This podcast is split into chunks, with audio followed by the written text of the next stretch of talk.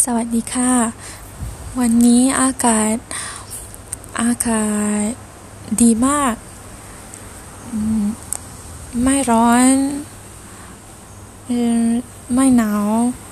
ประเทศสิงคโปร์ไม่เคยหนาวค่ะตอนนี้ฉันนั่งอยู่ ใกล้บ้านหนึ่ง กำลังอธิษฐาน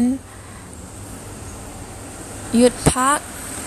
กับพระเยซู นี่เป็นสิ่งที่ชอบของฉัน สิ่งทำที่ชอบของฉัน ฉันต้องกลับ